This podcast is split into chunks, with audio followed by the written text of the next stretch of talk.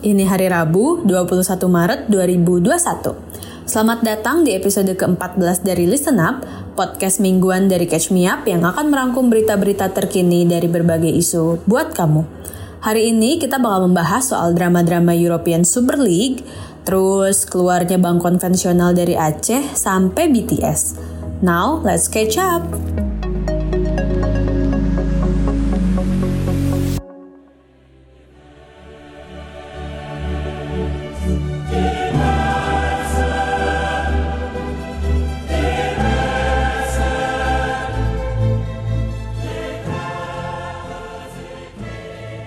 Nah guys, dari dengerin lagu di atas aja, kamu pasti udah ngeh kan kalau kita tuh mau bahas apa.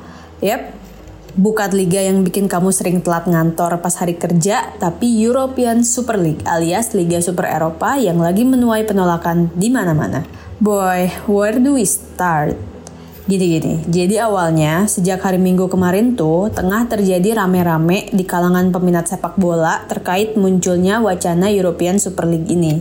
Adapun wacananya dimunculkan oleh 12 klub yang paling elit, paling tajir, dan paling banyak fansnya di Eropa yang berasal dari Inggris, Spanyol, dan Italia. Pada ISL ini sebenarnya formatnya sama aja dengan Champions League. Tapi ada sedikit twist guys. Apa itu twistnya? Nah, mungkin di sini kita bisa bandingin dulu kali ya. Apa sih bedanya antara European Super League dan Champions League? Kenapa banyak yang nolak European Super League ya?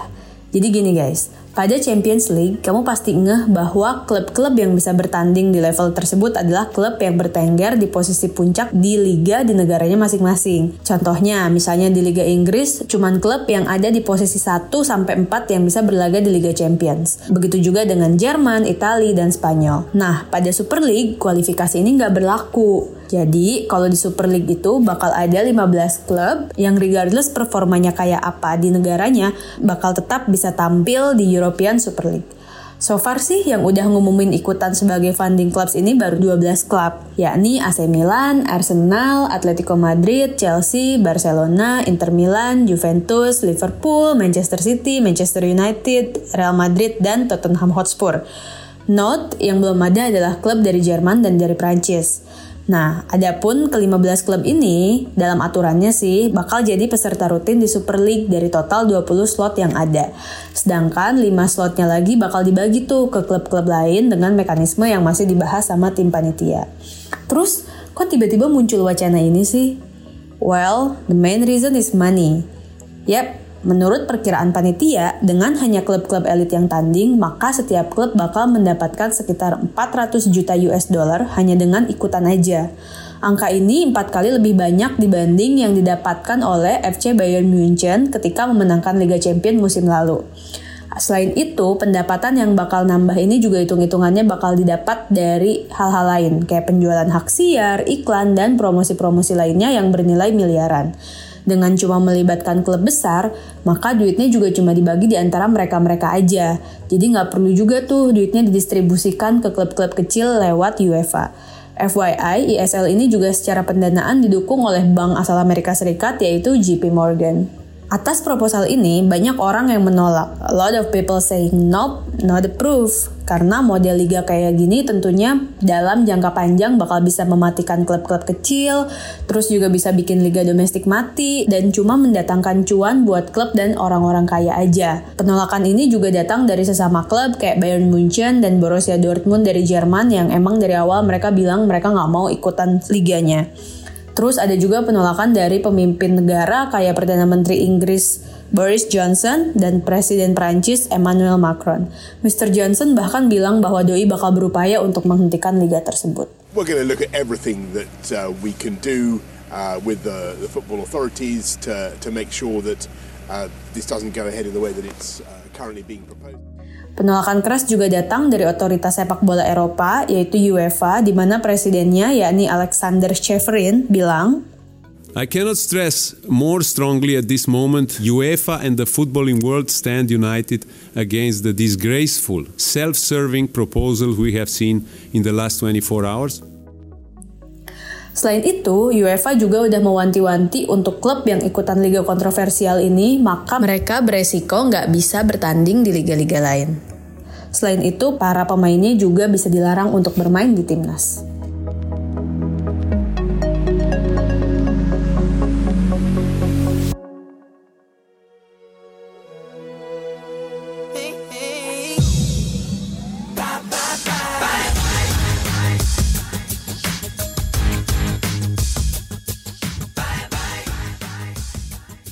Iya guys, ada yang baru aja saying bye bye bye nih ke Provinsi Aceh, yaitu bank konvensional.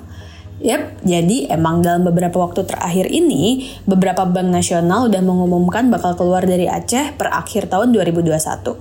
Adapun beberapa di antaranya adalah Bank Rakyat Indonesia, EKE BRI, terus BNI, Bank Mandiri, CIMB Niaga, dan Bank Panin. Nah, kalian kepo nggak? Kenapa sih banyak bank yang bakal caps dari Aceh?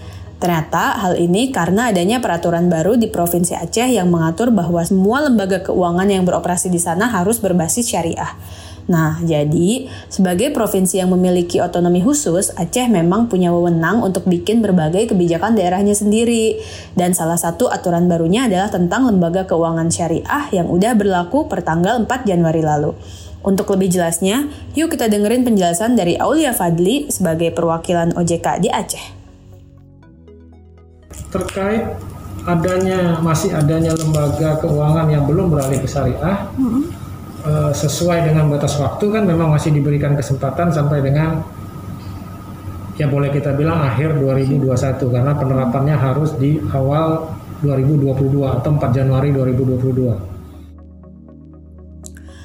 Nah guys, seiring dengan adanya aturan ini, maka lembaga keuangan di Aceh harus menggunakan prinsip syariah. Adapun aturannya diterapkan supaya perekonomian di Aceh semakin islami. FYI, kebijakan ini juga berlaku bagi setiap orang, badan usaha, dan atau badan hukum yang melakukan transaksi keuangan di Aceh termasuk dengan pemerintah Aceh dan kabupaten atau kota. Terus aturannya juga nggak hanya terbatas pada bank, tapi juga buat lembaga keuangan lain, kayak asuransi syariah, pasar modal syariah, dana pensiun syariah, modal ventura syariah, pegadaian syariah, koperasi pembiayaan syariah, dan sejenisnya. Selain mengatur bahwa lembaga keuangannya harus syariah, peraturan tersebut juga mengatur tentang pemberian sanksi bagi lembaga keuangan konvensional yang tetap beroperasi di Aceh. Mereka bisa aja kena denda atau diberi peringatan tertulis atau pembekuan kegiatan usaha, pemberhentian direksi sampai izin usahanya dicabut. That's why seluruh bank konvensional dikasih waktu untuk menaati aturan tersebut mulai awal 2019 sampai akhir 2021 ini. In other words, bank konvensional punya waktu sampai akhir tahun untuk CAPS dari Aceh. Tapi bukan bank konvensional aja, tapi segala lembaga keuangan yang berbau konvensional. Nah, seiring dengan adanya aturan ini, maka BRI berencana untuk menutup 11 kantor cabangnya di Aceh tahun ini. Terus BNI juga bakal menutup 32 kantor cabangnya dan Bank Mandiri bakal menutup 47 cabangnya yang ada di Aceh. FYI, ketiga bank ini emang mempunyai layanan syariah yang udah digabung menjadi BSI per bulan Februari kemarin.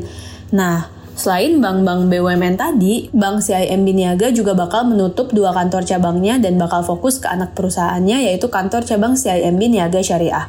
Meanwhile, Bank Panin memilih untuk benar-benar menutup semua cabangnya yang ada di Aceh.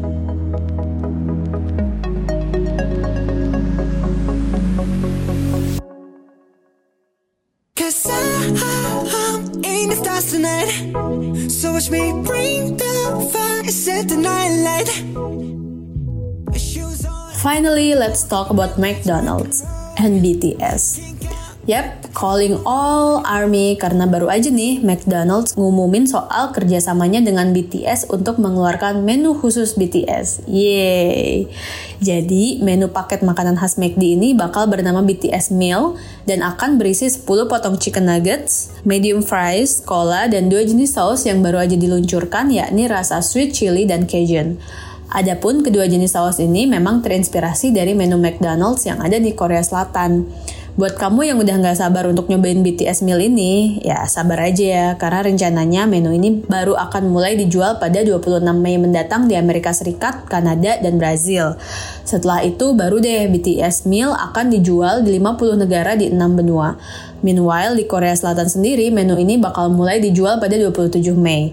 Sedangkan di Indonesia, catat nih ya, di Indonesia, rencananya BTS Meal akan bisa mulai kamu nikmati pada 25 Juni nanti.